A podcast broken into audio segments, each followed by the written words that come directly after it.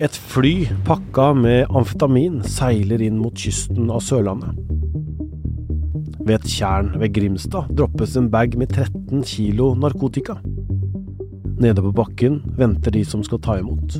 Det de ikke veit, er at også politiet sitter og ser på. De blir tatt, og det fører til lange fengselsdommer. Nå krever flere av de dømte at saken skal gjenåpnes, fordi de mener de ble utsatt for en ulovlig politiprovokasjon, og kan hemmeligholdte lydopptak fra den lukkede delen av rettssaken mot Eirik Jensen frikjenne dem. Jeg heter Tor Erling Tømt Ruud, og dette er Krimpodden i VG.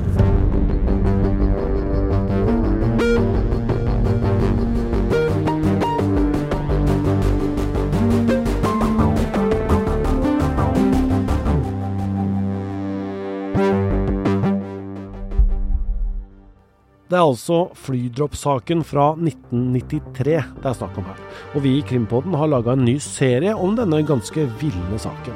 For den har så mye i seg. Det er et eh, persongalleri fra det som ble kalt Nordlandsmafiaen, en skjult flytur fra Nederland, en hemmelig politioperasjon og kjente advokater og politifolk.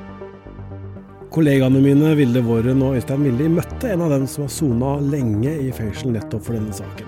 Og før vi skal snakke videre om eh, flydroppet, så skal vi høre en eh, snutt fra da Vilde og Øystein møter Gunnar Evertsen i eh, Troms.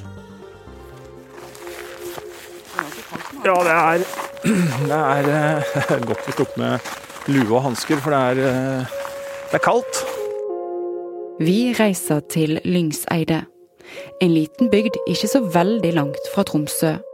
Her skal vi treffe Gunnar Evertsen, han som ble kalt sjefen for Nordlandsmafiaen. Det er ikke dit vi skal, kanskje? er det da? Opp der. Utenfor huset så står Gunnar. Han tar seg en blås på trappen og er barfot i det kalde været. Hunden hans Bush hilser på. Kom her. Kom her, sa jeg. Bort, kom her. Kom her, kom her. kom her, kom her, kom her. Litt ulydig. Så akkurat ute og røyka var morgensen. Ja, ja, ja. Vær, vær så god. ja. Stikk på. stikk på. Takk for det. Se her. Her er kaffe. Og dessuten så har jeg sånne små kopper. Så kom faen ikke og si at du kan få kaffe. Og det er ordentlig kaffe. Slå grøs. Gunnar har fyrt i peisen. På veggen henger det et knokejern. I vinduskarmen dyrkes poteter oppå en bok om politimannen Eirik Jensen. I den ryddige stuen er det særlig én ting som skiller seg ut. En stor, håndlaget modell av en sjark. En fiskebåt som Øystein legger merke til. Fortell om den, da. Ja, den forteller seg sjøl. Ja. Men jeg har begynt med to pinner, så har jeg ikke gitt meg fra jeg er ferdig. Hvor har du bygd den, da? Fengselet. I fengselet på cella. Ja. Satt noen år, da.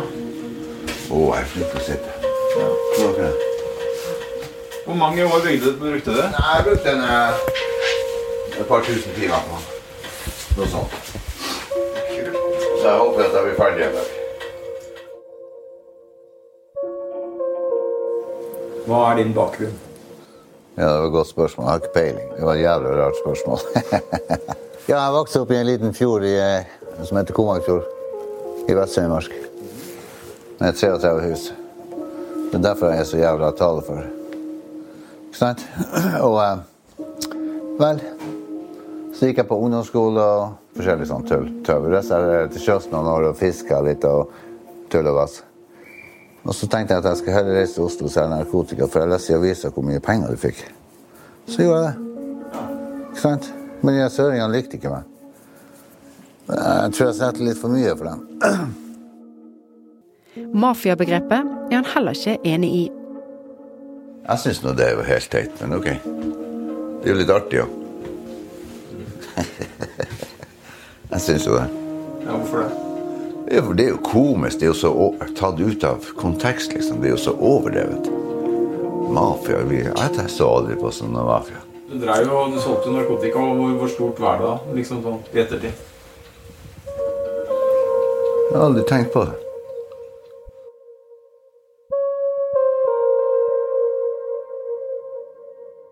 Og denne serien heter Droppet, og vi har lagt den ut på Podme. Første episode ligger allerede der, og så kommer det nye episoder på mandager fremover. Og Øystein og Vilde, kan ikke dere forklare hva denne flydropp-saken går ut på? Jo, det er da, som du var inne på, en um, sak fra 1993 hvor uh, det var uh, noen menn som ble kalt for Nordlandsmafiaen, som fikk et uh, tilbud, sier de, om å kjøpe amfetamin. På den tida der så var det, etter det de sier, veldig vanskelig å få tak i amfetamin. I hvert fall amfetamin som hadde god kvalitet. Markedet var tørt. Plutselig en dag så kom det noen på døra og tilbød dem eh, et parti med, med amfetamin. Det var en bekjent av uh, Gunnar Evertsen, og så hadde han med seg en ukjent mann, uh, forteller disse kara til oss.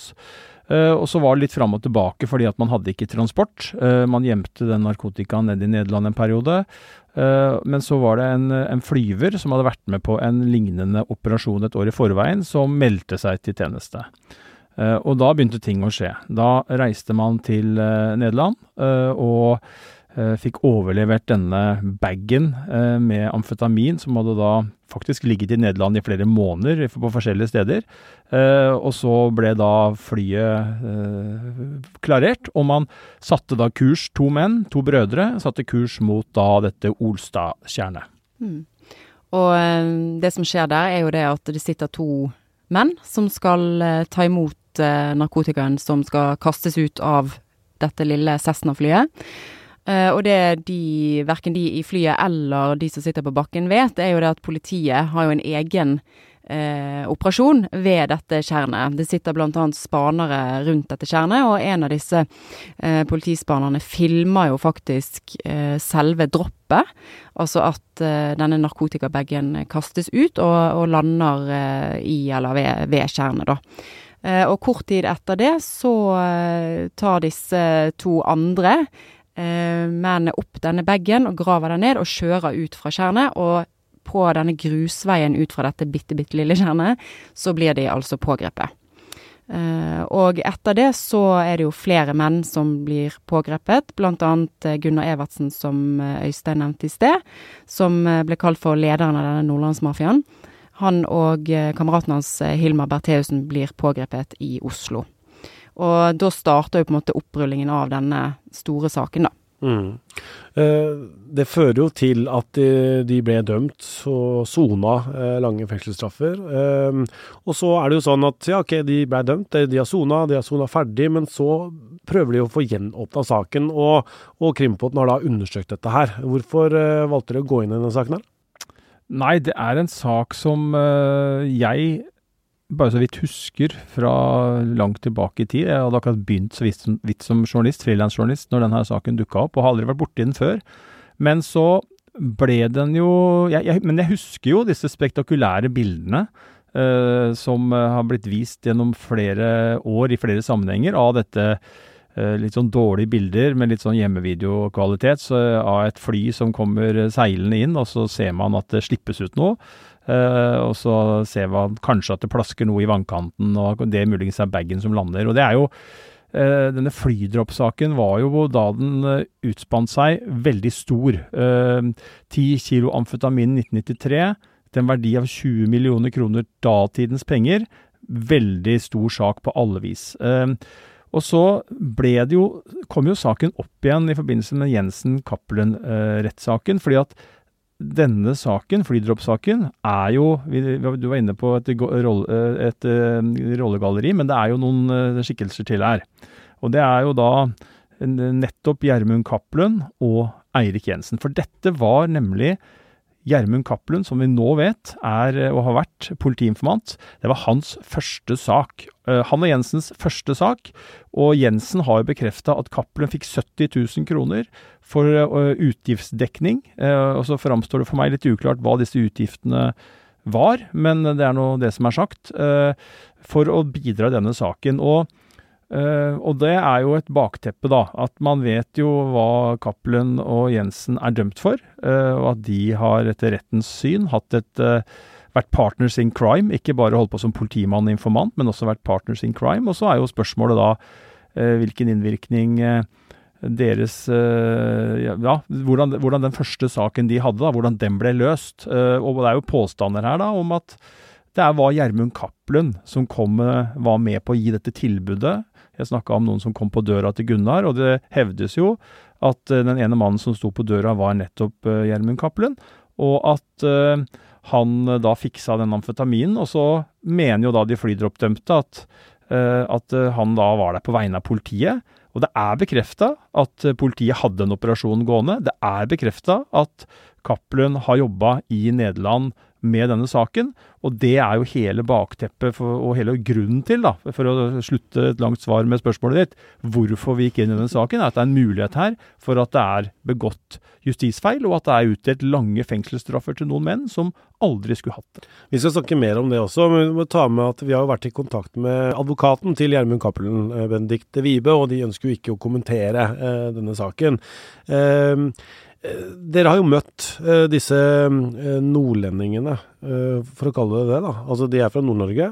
Nordlandsmafiaen. Jeg er ikke helt enig i det der begrepet, da. fordi at både Gunnar og Hilmar er jo fra Finnmark. Så Hvorfor de da har blitt kallende Nordlandsmafiaen, om det er noe politiet fant på, eller det var noen kunnskapsløse eh, journalister i Oslo eller et annet sted, det vet jeg ikke. Men, eh, men det er vel en av de to eh, stedene det navnet har oppstått. Det er i hvert fall ikke de sjøl som har meldt seg verken for De mener jo verken at de er fra Nordland, det er de jo ikke, da, og de mener heller ikke at de var en mafia, da. Men eh, det ble Nordlandsmafiaen, selv om gutta var fra Finnmark. Men de er jo på en måte, for meg så framstår de som noen ganske hardbarka menn. De er jo godt opp i åra. Hvordan har det vært å møte dem, Vilde? Um, det har både vært uh, hyggelig og interessant uh, syns jeg. Um, altså, ja, de uh, har jo hatt harde liv. Det kan vi jo på en måte fastslå med en gang.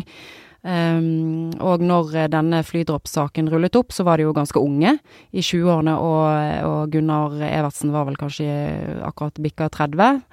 Um, de har sonet uh, hardt. Uh, og sittet lange fengselsstraffer. Men det er jo litt det som òg er interessant med de òg, da. At um, det at de på en måte ikke har blitt hørt noe sted, eh, kan jo også ha en sammenheng med nettopp det du sier her, da, at de har hatt eh, denne bakgrunnen som de har. Må bare presisere at ingen av de driver med smugling av, eh, av narkotika nå. Um, men eh, det har jo vært en, et veldig fint møte med begge to. De er veldig åpne og forteller uten filter, vil jeg vel kunne si. Ja, det gjør de, og det er jo befriende i seg sjøl å møte folk som er åpne. Og så vet jo ikke vi om alt det de sier er riktig. Vi vet ikke om de husker riktig. Vi vet ikke om det er andre som har annen informasjon som viser seg å være fasit på noe av det. Det er jo noe av det vi belyser her.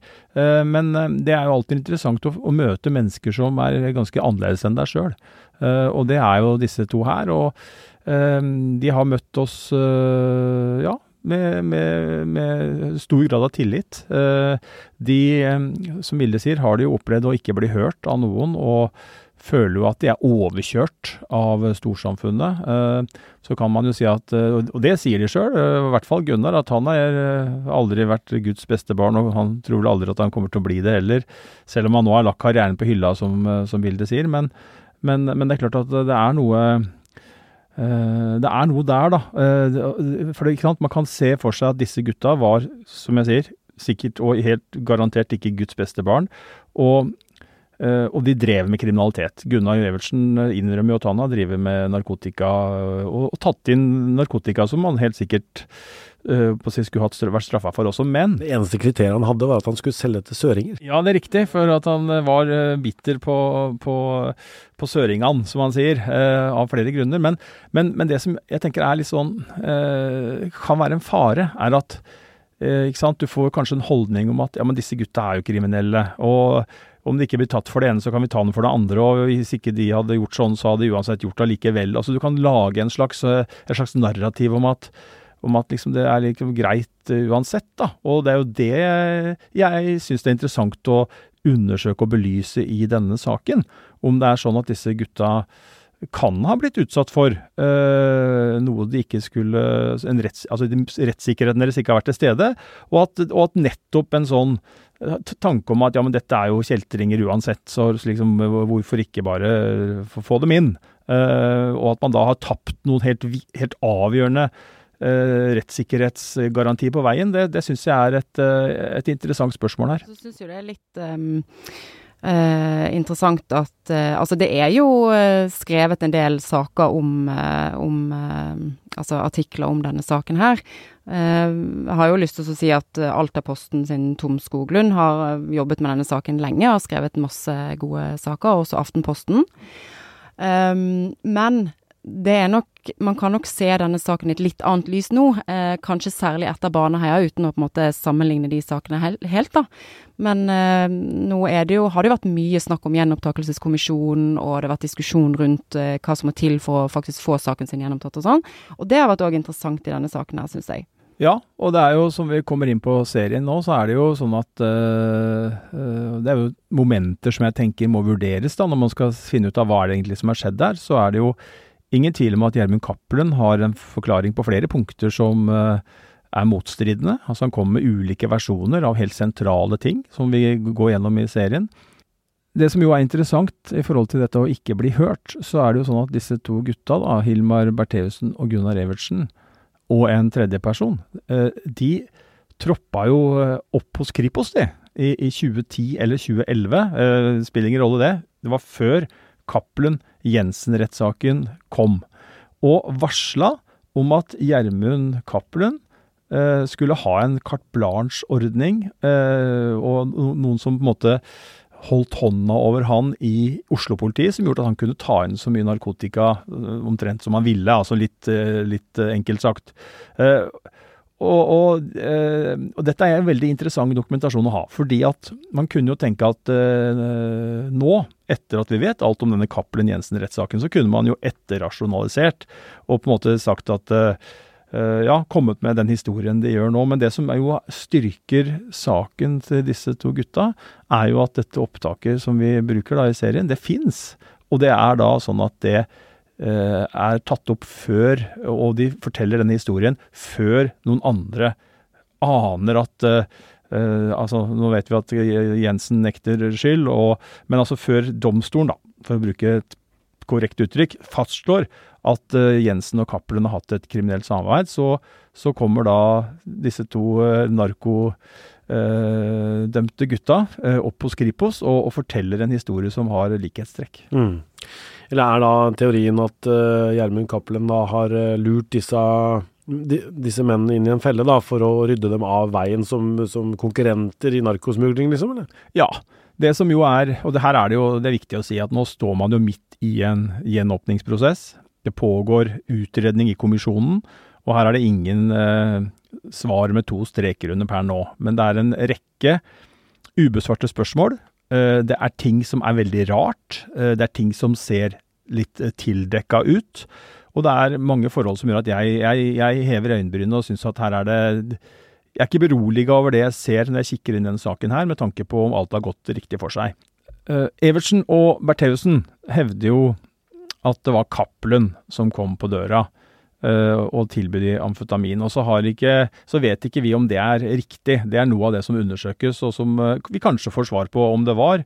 Uh, Cappelen har aldri sagt noe åpent om, om det, men, men, det de to dømte hevder, da, var at det var han som kom. og hvis det er sånn at det var Cappelen som dukka opp, og han da gjorde det på oppdrag fra politiet, at han hadde blitt bedt om å gjøre det, eller at politiet bidro på en eller annen måte at han kunne gjøre det, så vil det kunne være en ulovlig provokasjon. For da har Bertheussen og uh, Evertsen begått en straffbar handling som ellers ikke ville funnet sted. Og det er det ikke anledning til uh, og på en måte, det er, ikke, det er, ikke, gangbart. Men hvis det skulle være sånn da, at det har dukka opp en fyr på døra til Evertsen som har vært politiinformant, men som har vært eh, på å si, helt renskåret fra den uh, rollen og bare dukka opp et eget initiativ og hatt et uh, på en måte bak ryggen på politiet, til tross for at det var informant, et samarbeid og, og, og holdt på med den amfetamininnførselen, så vil det ikke være det.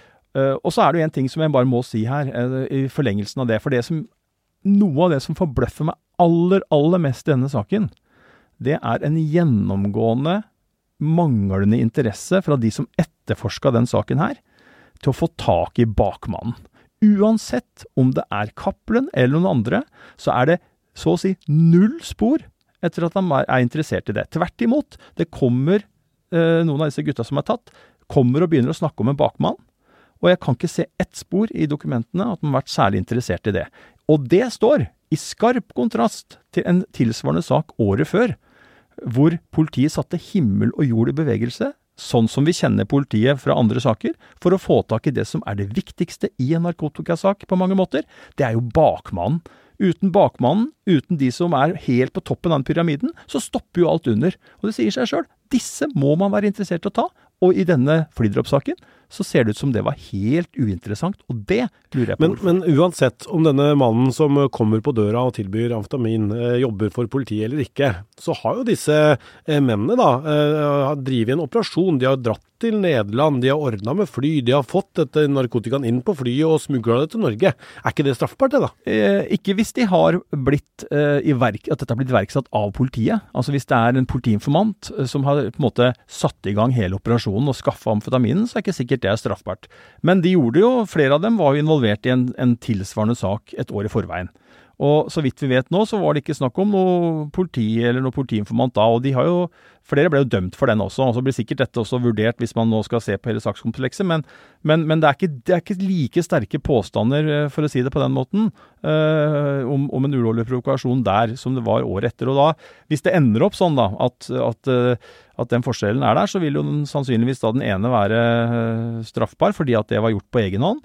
Og den eh, andre, 93, altså flydroppsaken, hvis det viser seg at den er initiert på, vis, på et eller annet vis av politiet, så vil jo den da kanskje da ende opp med å ikke være straffbar. Så det er jo det som er hele forskjellen, da. For det, det er klart det er jo straffbart å ta amfetamin inn til Norge. Det sier seg sjøl. Uh, og, og og, men det er da utgangspunktet, da, tilbake igjen til det, er at hvis det er sånn at uh, politiet har spilt opp dette her, eh, skaffa amfetamin eller instruert Cappelen til å gå på døra til Evertsen Bank på og spørre om han vil være med på amfetamin, vi vil gjerne ta han, så ligger det jo noe sånn, kanskje som mange oppfatter, da, en sånn rettferdighetsgreie her, som gjør at det er litt unfair. da, At du blir på en måte lurt og lokka, for å bruke litt lada uttrykk, inn i noe som du kanskje ellers ikke ville gjort. For uh, politiet så gjelder det ikke da det målet helliger middelet-setningen. For at de kan ikke gjøre sånne ting uten å på en måte ja, hadde, ja, De kan ikke gjøre sånne Nei, ting? Nei, dette er slått fast av Høyesterett. ikke sant? Og dette er, jo da, dette er jo retningslinjene politiet har uh, å forholde seg til.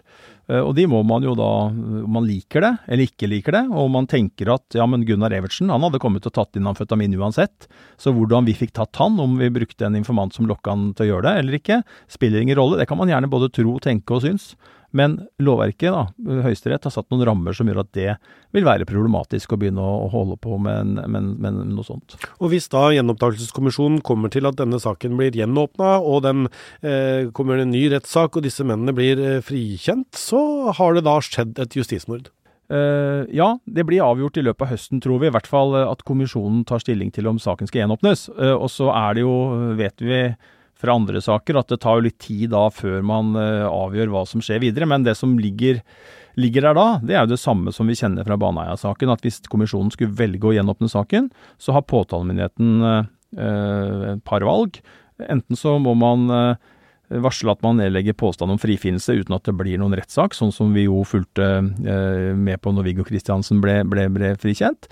Eller så må man da velge å reise en ny sak full, ja, i full bredde, hvor man da trekker disse mennene inn i retten igjen og forsøker å få de dømt uh, igjen. Men da må det være en fullskala rettssak hvor alle bevis uh, føres, og, og, man da ja, får en full rettssak. Og, det er her da den kjente advokaten Jon Christian Elden kommer inn. Altså Han har jo representert Eirik Jensen, men han er også nå eh, forsvarer for Hilmar Bertheussen, som er en av dere, de mennene som dere har snakka med. Eh, han mener at det er ting som ble sagt i den lukkede lukkede delen av Eirik Jensen-rettssaken. For den blei jo da lukka for, eh, for, presse og publikum og alle. Det blei liksom hemmeligholdt, akkurat det. Det er ting som ble sagt der, som, som kan ha påvirkning for, for disse mennene som dere har snakka med. Hvordan da? Nei, og det er jo interessant, fordi at flydroppsaken vet vi jo var blant de sakene som ble eh, behandla bak lukkede dører. Uh, og så um, mener jo da Elden, som du sier, at han sitter på kunnskap ut fra den rollen han hadde som forsvareren til Jensen, om at uh, det er interessante opplysninger som kan kaste lys over skyldspørsmålet i flydroppsaken som kom frem der. Uh, og så er det sånn at Uh, man har forsøkt, altså Kommisjonen har begjært, som det heter, krevd, utlevert, vil ha tak i disse lydopptakene, og, har, og, har, bedt om det. Lagmannsretten avviste det ønsket og sa at det var det ikke anledning til. Og så har flere forsvarere, bl.a. Morten Kjensli som forsvarer den såkalte flyvern, Stian Mæland som forsvarer Gunnar Evertsen, de har anka Eh, denne avgjørelsen inn for Høyesterett, eh, og ønsker å få landets øverste domstol til å vurdere det spørsmålet. Eh, Elden har jo pekt på at han mener det kan argumenteres for at opplysningsplikten, altså det plikten til å opplyse en sak, som da kan medføre at noen altså at man avdekker at noen har fått en, uskyldig, fått en uriktig dom, at den må trumfe taushetsplikten. Eh, påtalemyndigheten har etter husken min anført at, eh, at eh, taushetsplikten må gjelde, fordi at det handler bl.a. om liv og helse. Og det er jo derfor den Cappelen Jensen-rettssaken ble lukka, når Cappelen forklarte seg om livet sitt som politiinformant. Og det er en veldig interessant prinsipiell diskusjon. for det Eh, som sikkert mange hører nå, så er jo begge disse to hensynene er jo fryktelig tungtveiende. Ja, og viktige. Ja, ja, absolutt. ikke sant? Taushetsplikt. Man skal kunne gå i retten og være trygg på at det man sier der, når man først har en situasjon hvor det skal være taushetsplikt, det må aldri komme ut, for det kan være farlig. Ja, det er selvfølgelig veldig viktig, vil jo alle si. Eh, men eh, vil det være mer eller mindre viktig å avdekke at noen har fått en uriktig dom, da? Ikke sant? Og da har vi jo på en måte satt tonen for det som er en prinsipiell interessant diskusjon som sånne eh, nerder som meg syns er veldig, veldig artig.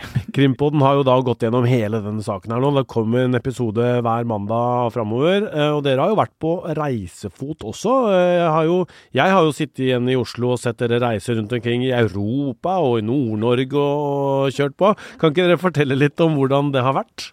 Veldig eh, fin uh, greie, egentlig. For det, det, er jo noe med Det snakker jo dere ofte om i, i podkasten, sant. Der dere har vært på et sted bare for å se hvordan eh, ting ser ut. Det er faktisk veldig viktig for å på en måte kunne fortelle en historie, da. Eh, og når vi kjørte inn der til Olstad kjerne, så så vi jo for eksempel så har man jo Vi har vel kanskje gjort oss opp en sånn Har et indre bilde av hvordan dette ser ut.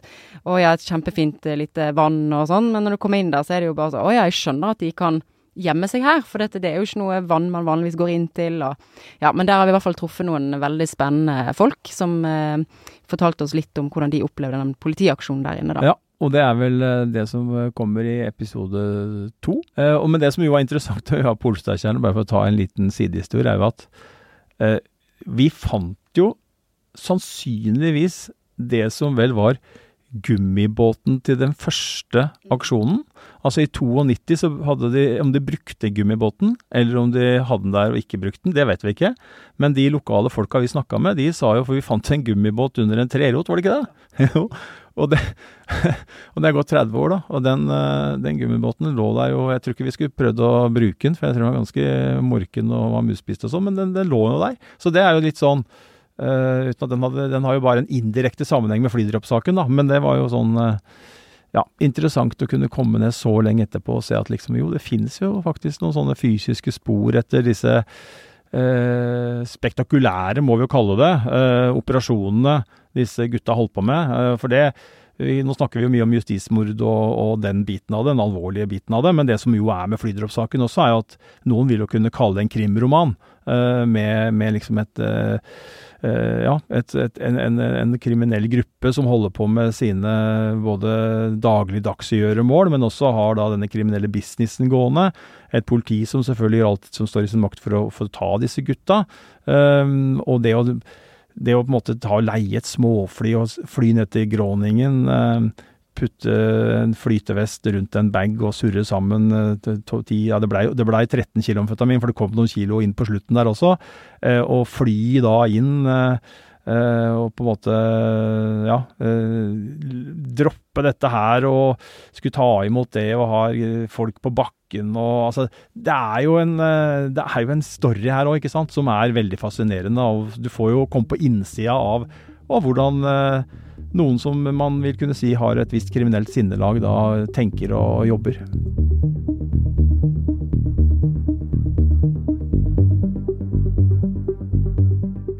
Første episode av Droppet, som denne serien heter, ligger allerede ute på Podme, eller hvis du hører via VG+. Og dette må du jo da betale for, for å få tilgang til. Men det gjør jo at vi faktisk kan lage mer eh, Krimpodden, bl.a. disse seriene. da. Ja, det koster penger dette her, og eh, derfor er det sånn. I tillegg så får du jo også tilgang til all annen true crime som ligger på Podme, og alt annet innholdet podkaster der. Hanna Espevik har vært med å lage denne episoden. Øystein Milli og Vilde Worren, vår produsent, har vært med. Ruth Einvoll Nilsen og Guro Mjeltvik Halvorsen jobber også i Krimpodden. Og jeg heter Tor Erling Tømt